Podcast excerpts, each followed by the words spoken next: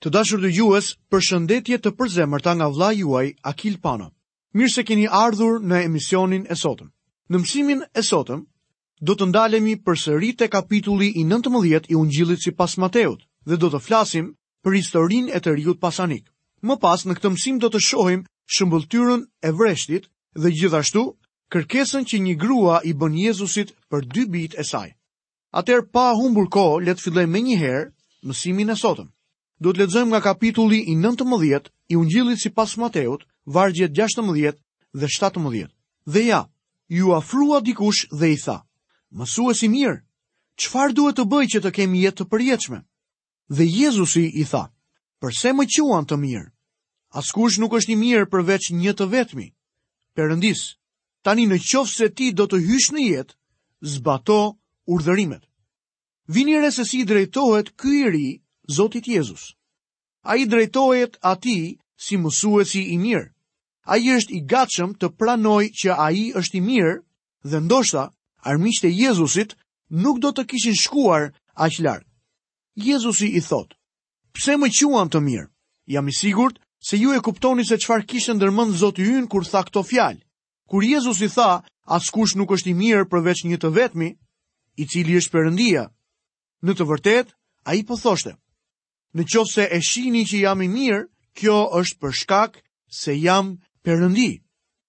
Ai po flet në këtë mënyrë që ai të mund ta pranonte Jezusin si Krishtin, birin e Perëndisë. Pastaj Zoti Jezus shfaqi në jetën e këtij të riu urdhërimet që kanë të bëjnë me marrëdhëniet e tij me të tjerët. Le të lexojmë më poshtë vargjet 18 deri në vargun e 20. Ai i tha: "Cilat?" Atëherë Jezusi i thotë: "Mos vraj, mos vidh, mos shkel kurorën, mos bëj dëshmi të rreme." Ndero atin dhe nënën tënde dhe duaje të afërmin tënd si vetja. I riu i tha, Të gjitha këto gjëra unë i kam zbatuar që në rininë time. Çfarë më mungon tjetër?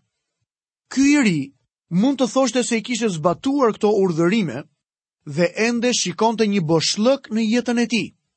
Urdhërimet që i dha Zoti ynë të riut përbëjnë edhe pjesën e fundit të dhjetë porosive të Moisiut, të cilat kanë të bëjnë me marrëdhënien midis njerëzve. Porosia e parë e dhjetë urdhërimeve ka të bëjë me marrëdhënien e njeriut me Perëndinë. Dhe Zoti ynë i drejton mendimet e këtij të riu në marrëdhënien e tij me Perëndinë. Lexojmë vargun 21. Jezusi i tha: Në qoftë se do të jesh i përsosur, shko shit ç'të kesh, jepua të varfërve dhe ti do të kesh një thesar në qiell, pastaj eja dhe më ndiq mua. Nëse do të jesh i përsosur, që do të thotë i plotë. Duke ndjekur Jezusin, ai do të arrinte të kuptonte se nuk po zbatonte urdhërimin e parë, që kishte të bënte me marrëdhënien e njeriut me Perëndinë. Zoti Jezus ishte në rrugën e tij për në kryq. Nëse ky njeri do ta kishte ndjekur Jezusin, Do të ishte në këmbët e një kryqi. Megjithatë, diçka po e ndalonte që ta ndiqte Jezusin. Pasuria ishte guri i tij i pengesës. Për ty dhe mua mund të jetë diçka tjetër. Lexojmë vargun e 22. Por i riu, kur i dëgjoi këto fjalë, iku i trishtuar sepse kishte pasuri të madhe. Ishin paratë e tij që po e mbanin këtë djalosh larg Zotit tonë Jezu Krisht. Në ditët e sotme, ka shumë gjëra që i mbajnë njerëzit larg nga Zoti Jezus. Pasuria është vetëm njëra prej tyre. Në fakt, ka me mijëra të tjera. Në fakt, kisha po mban shumë vetë larg Krishtit, për shkak se i ka vendosur ata në një çantë të vogël plastike që i mbron nga ballafaqimi me mëkatet e tyre. Ata ndihen të sigurt, sepse ata kanë kaluar përmes disa ceremonive ose sepse kanë bërë rrëfimin e tyre dhe mund të jenë aq të pashpëtuar sa edhe çdo pagan tjetër në një vend të errët sipër tokës. A ka diçka sot që po të ndan ty nga Krishti? A ka diçka në rrugën tënde që të mban ty larg tij? Për këtë djalë ishte pasuria. Po për ty çfarë është? Lexojmë vargun e 23. Atëherë Jezusi u tha dishepujve të vet: Në të vërtetë ju them, se një i pasur me vështirësi do të hyjë në mbretërinë e qiejve. Kjo gjë është ende e vërtetë edhe në ditët e sotme. Jo shumë të pasur, njerëz me tituj, apo njerëz të tjerë të mëdhenj të tokës, janë të krishterë. Lexojmë vargun e 24. Dhe po jua përsëris, është më e lehtë të kalojë deveja nga vrima e gjilpërës, sesa i pasuri të hyjë në mbretërinë e Perëndisë. Shumë njerëz nuk e kuptojnë humorin që Zoti Jezus përdor disa herë. Ky pasazh është shembulli i këtij humori. Ka disa njerëz që kapen pas shpjegimeve qesharake se në Jeruzalem ishte një portë e quajtur Vrima e Gjilpërës dhe një deveje i duhej të përulej për të kaluar përmes saj. Dhe për këtë arsye, Zoti po e thotë që njeriu duhet të bëhet i përulur për të hyrë në mbretërinë e Zotit. Kjo i shmanget krejtësisht çështjes. Zoti ynë po flet për një deve të vërtetë dhe për një gjilpërë të vërtetë që ka një vrimë të vogël. Miku im, më lejo të të bëj një pyetje fare të thjeshtë. A është e mundur për një deve të vërtetë të kalojë përmes vrimës së vërtetë të një gjilpëre? Unë mendoj se ju e dini përgjigjen. Nuk mund të kalojë dot. Është e pamundur. Por a do të ishte e mundur për Zotin ta fuste devenë në vrimën e gjilpërës? Ok, kjo nuk është puna e Zotit, por natyrisht që ai mundet. Dhe vetëm Perëndia mund ta rigjenerojë një njeri. Kjo është çështja që po ngre Zoti ynë këtu.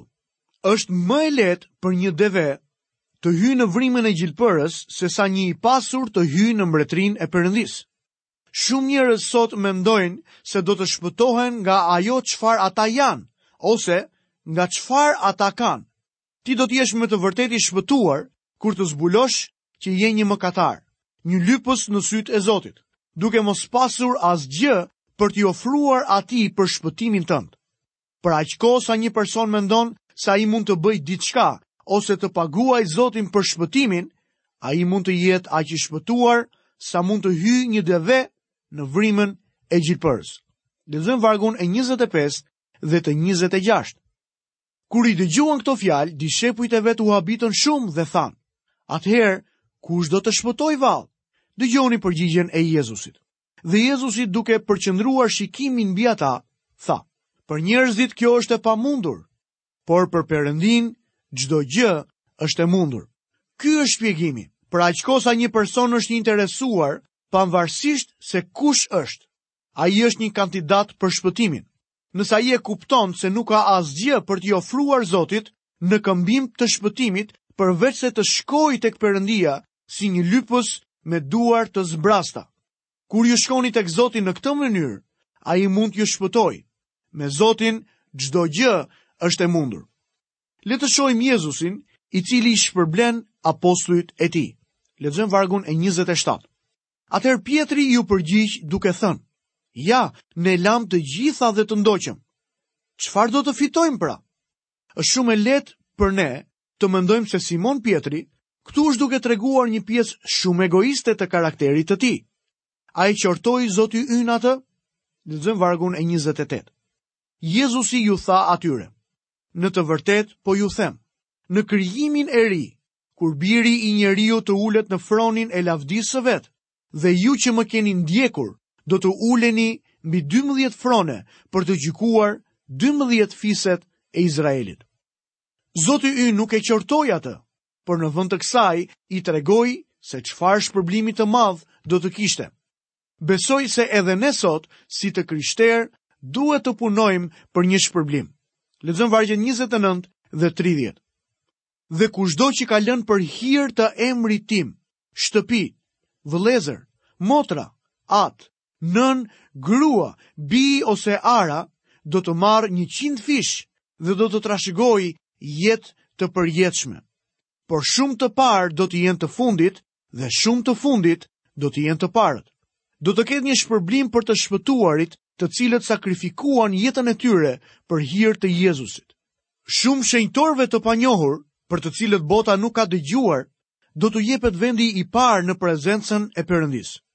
Unë besoj se atë ditë shumë udhëheqës të shquar të krishterë që kanë marrë shumë duartrokitje në këtë jetë do të injorohen ndërsa shenjtorë të tjerë të panjohur përpara njerëzve do të shpërblehen.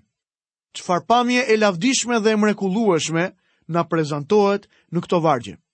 Të dashur dëgjues, këtu ne kemi përfunduar edhe kapitullin e 19 të Ungjillit sipas Mateut. Tani neve do të hyjmë në një kapitull tjetër, në kapitullin e 20. Tema e këtij kapitulli është shëmbëlltyra e punëtorëve në vresht.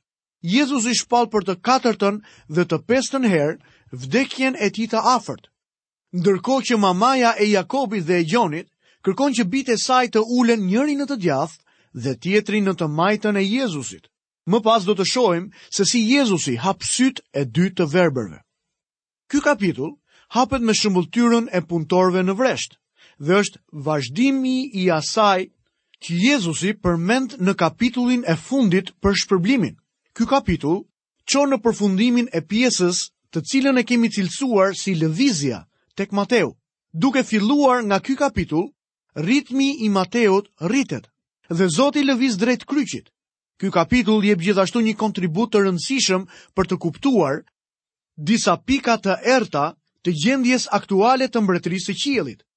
Principi i dhënies së shpërblimit qëndron në këtë shëmbëlltyrë.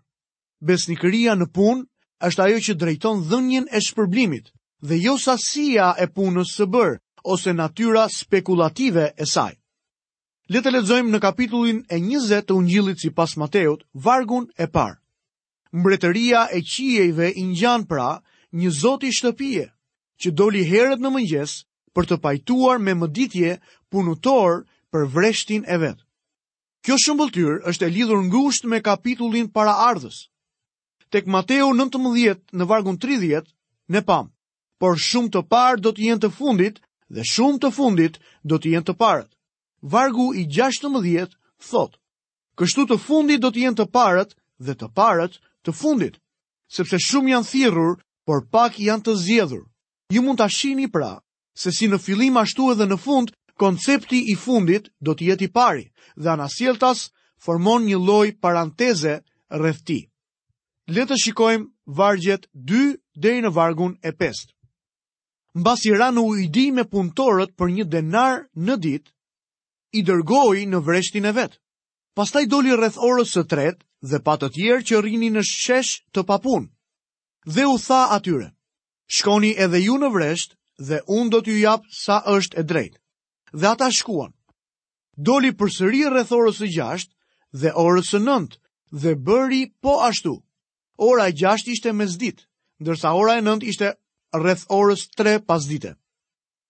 Do të lexojmë vargjet 6 deri në vargun e 15. Kur doli përsëri rreth orës 11, gjeti disa të tjerë të papunë dhe u tha: "Përse e rrini gjithë ditën këtu pa bërë asgjë?" Ata i thanë: "Sepse askush nuk na ka marrë me mëditje." Ai u tha atyre: "Shkoni dhe ju në vresht dhe do të merrni aq sa është e drejtë." Kur erdhi mbrëmja, i zoti i vreshtit i tha kujdestarit të vet: Thirri punëtorët dhe jepu mëditjen e tyre, duke filluar nga ata të fundit e deri tek të parët. Dhe kur erdhën ata të orës njëmbëdhjetë, morën nga një denar secili. Kur erdhën të parët, menduan se do të merrnin më shumë, por edhe ata morën nga një denar secili. Duke e marrë, murmurisnin kundër zotit të shtëpisë duke thënë: Këta të fundit punuan vetëm një orë dhe ti i trajtove si ne që hoqëm barrën dhe vapën e ditës. Por ai duke u përgjigjur i tha njërit prej tyre, Mik, unë nuk po të ha hakun. A nuk re në ujdi me mua për një denar? Merr atë që të takon ty dhe shko. Por unë dua t'i jap këtij të fundit aq sa të dhashë edhe ty. A nuk më lejohet të bëj me timen ç'dua? Apo bëhesh sylig sepse unë jam i mirë? Kjo është një shëmbëlltyrë e shkëlqyer, që ilustron një të vërtetë mjaft të rëndësishme. Nuk është sasia e kohës që ti jep dhe as pozicioni yt që do të përcaktojë shpërblimin tënd. Ti do të shpërblehesh për shkak të besnikërisë tënde në detyrën që Zoti të ka dhënë, pavarësisht se sa e vogël, e shkurtër apo e pakuptimtë duket në sytë e tu.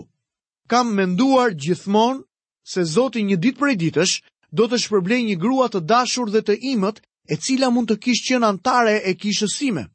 Unë do t'i drejtohesha një anëtari të stafit tim dhe do t'i thoja, a e njeh atë grua? Ai mund të thoshte, nuk kam dëgjuar asnjëherë për të. Ajo nuk ka kënduar në grupin e adhurimit.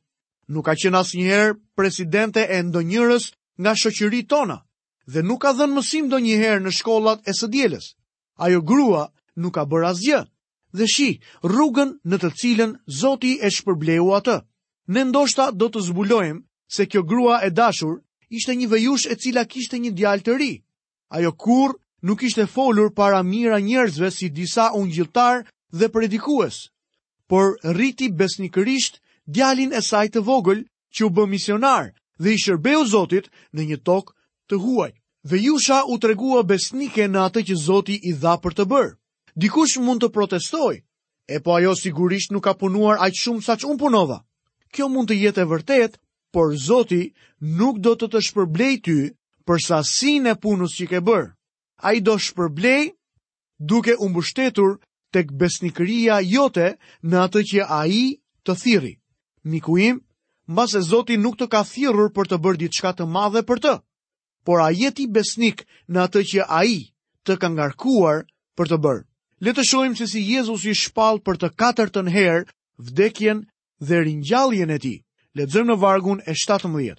Pastaj kur Jezusi po ngjitej në Jeruzalem, i mori më një anë të 12 dishepujt gjatë rrugës dhe u tha atyre: Vini re lëvizjen fizike dhe gjeografike në këtë pjesë. Jezusi dhe dishepujt e tij janë duke dalë nga lugina e Jordanit dhe po i afrohen Jeruzalemit ku ai do të vdesë në kryq. Lexojmë vargjet 18 dhe 19. Ja, ne ngjitemi në Jeruzalem dhe biri i njeriut do t'u dorëzohet krerëve të priftërinjve dhe skribëve, dhe ata do ta dënojnë me vdekje, dhe do t'ua dorëzojnë pastaj në duart e paganëve që ta tallin, ta fshikullojnë dhe ta kryqëzojnë, por ai ditën e tretë do të ringjallet. Zoti ynë nuk mund ta thoshte më thjesht dhe më qartë se kësaj here. Kjo është hera e katërt që ai po u tregon atyre në detaje rrethanat se çfarë do të ndodhë ekzaktësisht. Në një farë mënyre, dishepujt nuk e kuptuan këtë, thjesht nuk përshtatej kjo e folur e Jezusit në programin e tyre. Gjithsesi, si ju ashtu edhe unë, që jemi duke lexuar tani, shohim shumë qartë se ishte qëllimi i hapur i Krishtit të shkonte dhe të vdiste në Jeruzalem. Le të kuptojmë domethënien e kësaj. Ai shkoi atje me vetëdije të plotë për të vdekur për ty dhe për mua. Kjo është diçka për të cilën duhet të meditojmë. Dishepujt e Jezusit nuk mund ta besonin këtë gjë.